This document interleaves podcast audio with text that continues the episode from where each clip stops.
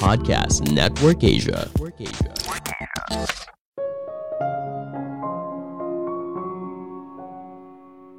Lebih dari setengah transaksi Bitcoin merupakan transaksi palsu. Halo semuanya, nama saya Michael. Selamat datang di podcast saya, Sikutu Buku. Kali ini saya akan membahas soal transaksi palsu Bitcoin. Menurut riset yang dilakukan oleh majalah Forbes, lebih dari setengah transaksi Bitcoin adalah palsu. Tentu saja ini fakta yang mengejutkan. Sebagai gambaran, 46 juta orang Amerika Serikat memiliki Bitcoin, dan Bitcoin merupakan aset kripto terbesar dan paling populer saat ini. Bayangkan apabila setengah dari volume transaksi itu palsu. Tentunya banyak orang yang bisa terjebak dalam penipuan kan? Sebelum kita mulai, buat kalian yang mau support podcast ini agar terus berkarya, Caranya gampang banget. Kalian cukup klik follow. Dukungan kalian membantu banget supaya kita bisa rutin posting dan bersama-sama belajar di podcast ini.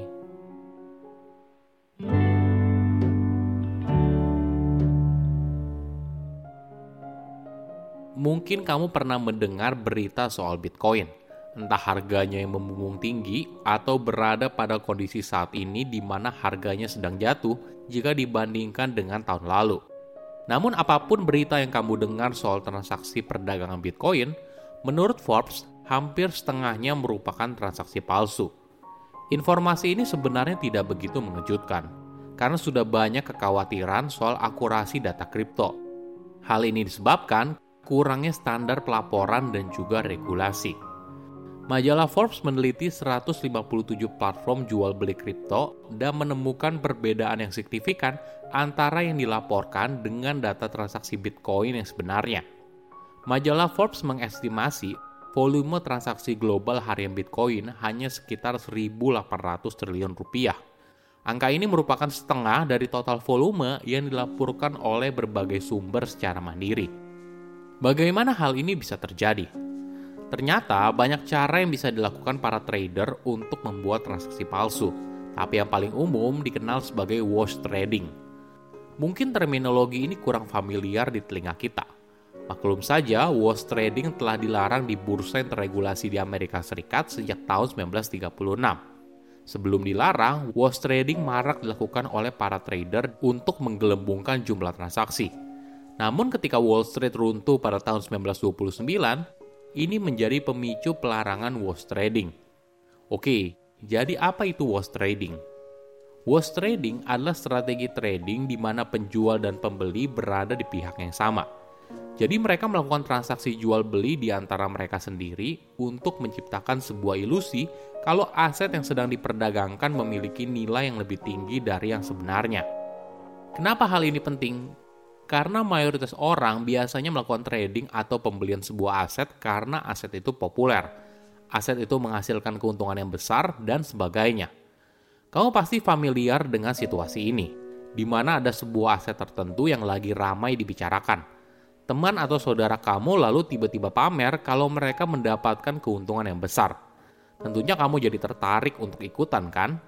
Lalu ketika ilusi yang kamu buat mulai dilirik oleh banyak orang, di situlah waktunya kamu meraup keuntungan. Praktik ini tidak berjalan sendirian. Ada banyak cara untuk melakukan wash trading. Misalnya, kamu bekerja sama dengan orang lain membentuk sebuah sindikat untuk mendorong harga sebuah aset tertentu.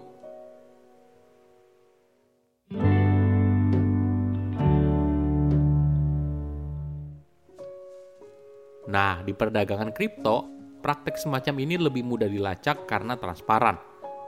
Kita bisa mengetahui siapa yang melakukan wash trading dilihat dari walletnya. Misalnya penjualan dan pembelian sebuah aset kripto tertentu dari beberapa wallet yang itu-itu aja selama beberapa waktu. Lalu tiba-tiba ada seseorang yang tidak berkaitan membeli aset kripto tersebut. Ini artinya strategi mereka berhasil menarik perhatian orang yang baru. Namun perlu diingat, setiap transaksi yang menggunakan teknologi blockchain membutuhkan biaya, dan kamu harus membayar sesuatu yang disebut sebagai gas fee. Jadi, jual beli yang dilakukan dengan strategi wash trading tentunya butuh biaya, karena ada gas fee yang harus ditanggung dari setiap transaksi yang dilakukan. Alhasil, tidak semua wash trading itu menguntungkan. banyak juga yang gagal.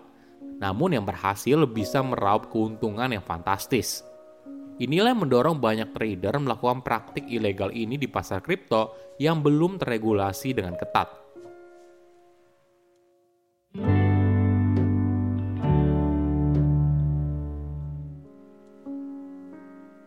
Alasan lain kenapa wash trading marak terjadi adalah karena sebuah aset kripto dan platform transaksi jual belinya sering kali dinilai berdasarkan volume transaksi. Misalnya begini, kamu adalah orang baru di dunia kripto. Tentunya kamu tidak tahu aset kripto mana yang dipilih atau apa yang menarik untuk dibeli. Mungkin kamu akan mengunjungi website yang mengukur seberapa banyak platform transaksi kripto diakses dan berapa banyak volume transaksinya. Ketika sebuah platform di ranking berdasarkan volume transaksi, maka hal ini menjadi sulit bagi pemilik platform untuk mengatur dan membatasi perilaku wash trading. Karena jika dibatasi dan diatur, maka mungkin saja ranking platformnya bisa kalah dengan kompetitor. Malpraktik ini menjadi sorotan pada tahun 2019 ketika Bitwise Asset Management mengungkapkan kalau 95% volume perdagangan yang dilaporkan oleh bursa di CoinMarketCap, situs web data kripto nomor satu di dunia adalah palsu. Lebih parahnya lagi, perbedaan data transaksi antara yang asli dan yang dilaporkan semakin besar di platform jual beli aset kripto yang lebih kecil – Majalah Forbes mengestimasi 80-90% volume transaksi yang dilaporkan jauh lebih kecil dari yang sebenarnya. Bayangkan, apabila data Bitcoin, mata uang kripto yang paling populer memiliki banyak transaksi palsu, bagaimana dengan mata uang kripto yang lain? Oke, apa kesimpulannya? Pertama, volume transaksi kripto belum tentu akurat. Menurut majalah Forbes, volume transaksi perdagangan Bitcoin hampir setengahnya merupakan transaksi palsu. Inilah yang membuat kita harus hati-hati saat memutuskan untuk membeli aset kripto. Kedua, praktek ilegal wash trading.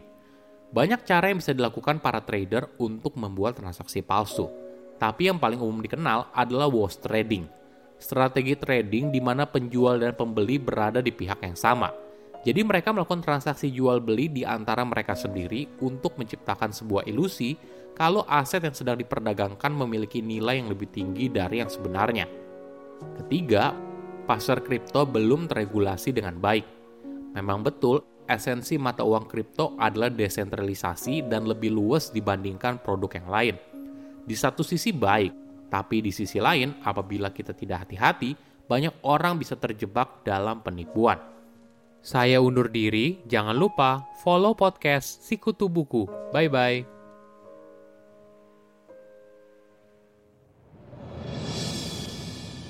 Hola, Valerie Patkar di sini.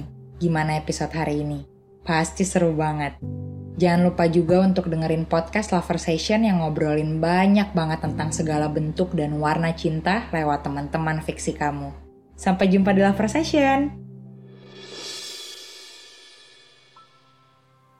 Pandangan dan opini yang disampaikan oleh kreator podcast, host, dan tamu tidak mencerminkan kebijakan resmi dan bagian dari podcast Network Asia.